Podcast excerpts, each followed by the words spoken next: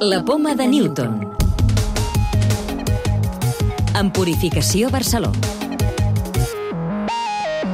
Un filtre de microorganismes desenvolupat als Estats Units pot ajudar a reduir la gravetat de la Covid-19 o millorar el pronòstic de les sèpcies. Es tracta d'una nova estratègia per lluitar contra infeccions que ja s'assaja a casa nostra i que us explicarem en el programa d'aquesta setmana. També us parlarem d'un projecte per tenir la fotogenòmica de totes les espècies dels territoris de llengua catalana i d'una recerca que demostra que els fàrmacs poden tenir efectes contraris segons els prenguin homes o dones. Investigadors catalans de l'Hospital Vall d'Hebron estudien si disminuir el nombre de virus a la sang dels pacients de Covid-19 pot ajudar a reduir la gravetat de la infecció i ho fan amb un nou filtre desenvolupat als Estats Units que és una mena d'hemodiàlisi que redueix la càrrega de microorganismes i, per tant, també la inflamació. Ricard Ferrer és el cap de Medicina Intensiva de l'Hospital Vall d'Hebron. És un filtre que dintre conté unes microsferes recobertes d'heparina que té la capacitat d'absorbir un ampli ventall de microorganismes, tant bactèries com virus. Quan el pacient està crític, un 80% dels pacients tenen partícules virals a la sang. Són els que els tractaments antivirals no funcionen i llavors eliminar partícules virals mitjançant aquests filtres pot ajudar que aquests pacients més greus es puguin recuperar abans. I el filtre també podria millorar el pronòstic de les sèpcies i fins i tot fer front a bacteris resistents als antibiòtics. És capaç d'adherir-se a qualsevol microorganisme i si el pacient rep l'antibiòtic adequat ajudaria a que la infecció es, es resolgui més ràpid i si té un, un microorganisme resistent a l'antibiòtic mentre no fem aquest canvi antibiòtic quan ja té part del tractament començat. No? La tecnologia ja la va aprovar l'organisme de recerca del Departament de Defensa dels Estats Units i a l'Estat també l'assagen l'Hospital San Carlos de Madrid i l'empresa d'investigació Cardiolink. Més coses. Un projecte està seqüenciant els genomes de totes les espècies vives dels territoris de llengua catalana. La iniciativa Biogenoma Català forma part del projecte mundial Biogenoma de la Terra, que vol crear un catàleg detallat del genoma de totes les espècies del planeta.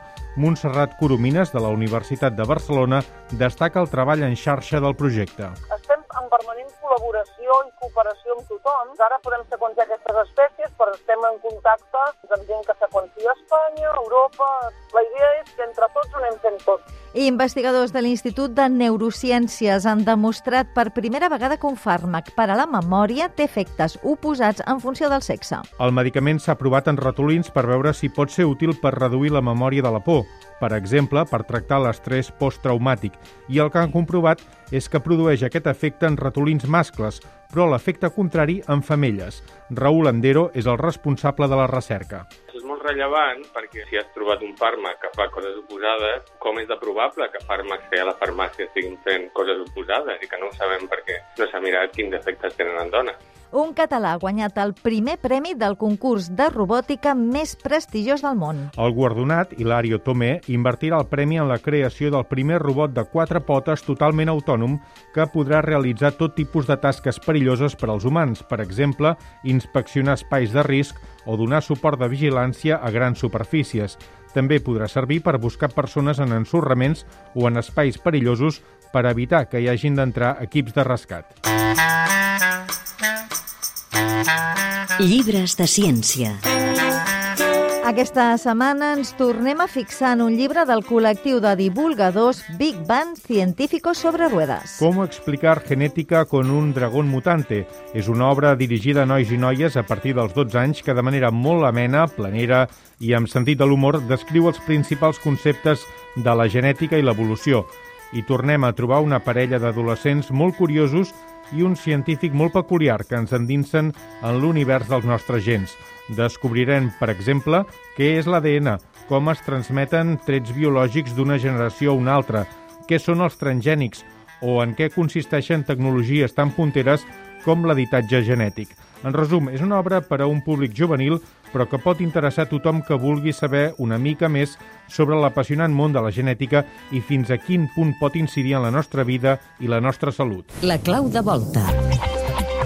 Qui Quina funció fan els diferents anticossos que generem davant d'una infecció? Carlota Dobaño, investigadora del Centre Is Global de la Caixa. La funció més coneguda dels anticossos és la neutralitzant. S'uneixen a la proteïna o antigen de la superfície del microbi i impedeixen que el patogen faci alguna funció essencial pel seu cicle vital, com per exemple inhibeixen la seva mobilitat i més freqüentment bloquegen la seva capacitat per a envair i infectar les cèl·lules hostes humanes. Una altra mena d'anticossos amb funcions no neutralitzants s'uneixen als receptors en la superfície de cèl·lules immunis del sistema innat per mediar la lisi o la fagocitosi del microbi. El trenquen o se'l mengen i així assolir la seva destrucció i eliminació. Recordeu que podeu descarregar-vos el podcast de la Poma de Newton o subscriure-us al programa per rebre'l directament als vostres dispositius.